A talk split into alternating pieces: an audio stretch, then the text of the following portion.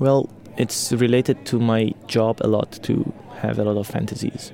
Erotic level, I'm very imaginative as well, yeah.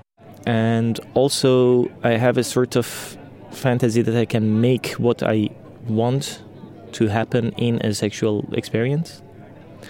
That, um, in a way, I imagine something and it's already very exciting for me, and then I share it with the other person, and then in a way, I compose how it's going to be, and the other person also adds their own part to it beforehand, even on phone or something.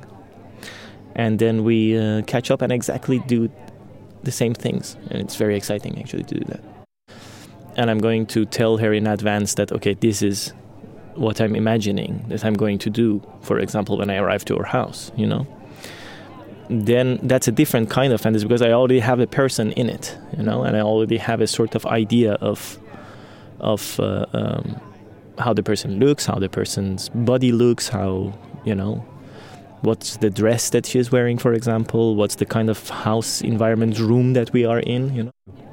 So, for example, one of the very recurring fantasies for me is when I'm entering someone's house with already having my genital out of my trousers and that we don't talk much at the beginning and the person is completely allowed to only look no touching and then going sitting on the couch and she can directly look or and then also with her having having uh, specific kind of dresses also is very important for me usually. It's very uh, very pornographic i must say. It's like that sh- usually short skirts reoccurs reoccurs a lot.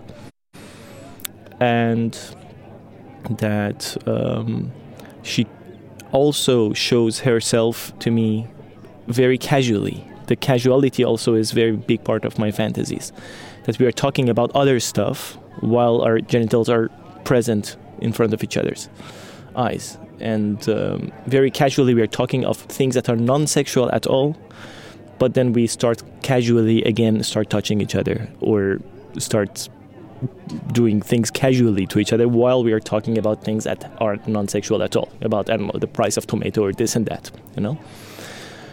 that, um, for example, she would stand up and uh, uh, like put her pussy in my face, or I would stand up and put my dick in her face while we are busy talking about other things.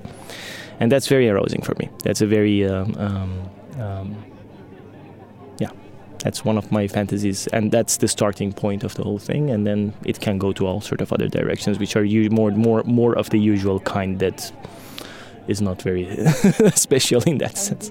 It's more about the sensation of yeah, there is something about freedom there.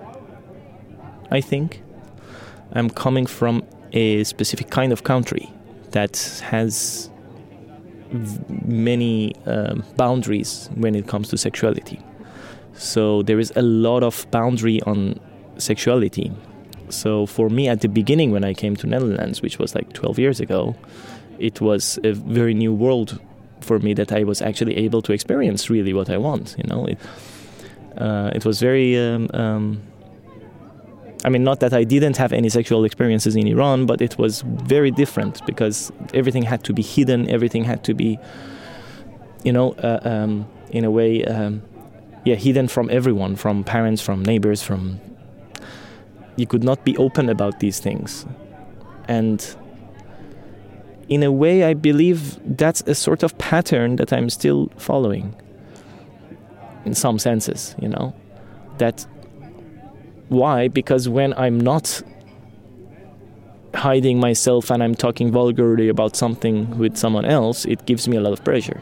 So still, that pattern is affecting me, I think, with that. Um, with what I grew up with, basically. Mm, well, one of the dif- one of the most difficult ones that I, I usually have had problem talking about was that very first thing that I told you about when I'm entering a door and I have my genital out of my zipper. You know, that was always a, the, the the the top part for my own head that was the top part of being strange and which is not actually it's just another fantasy now i know it but that I that I also managed to even share with some friends, with some close friends.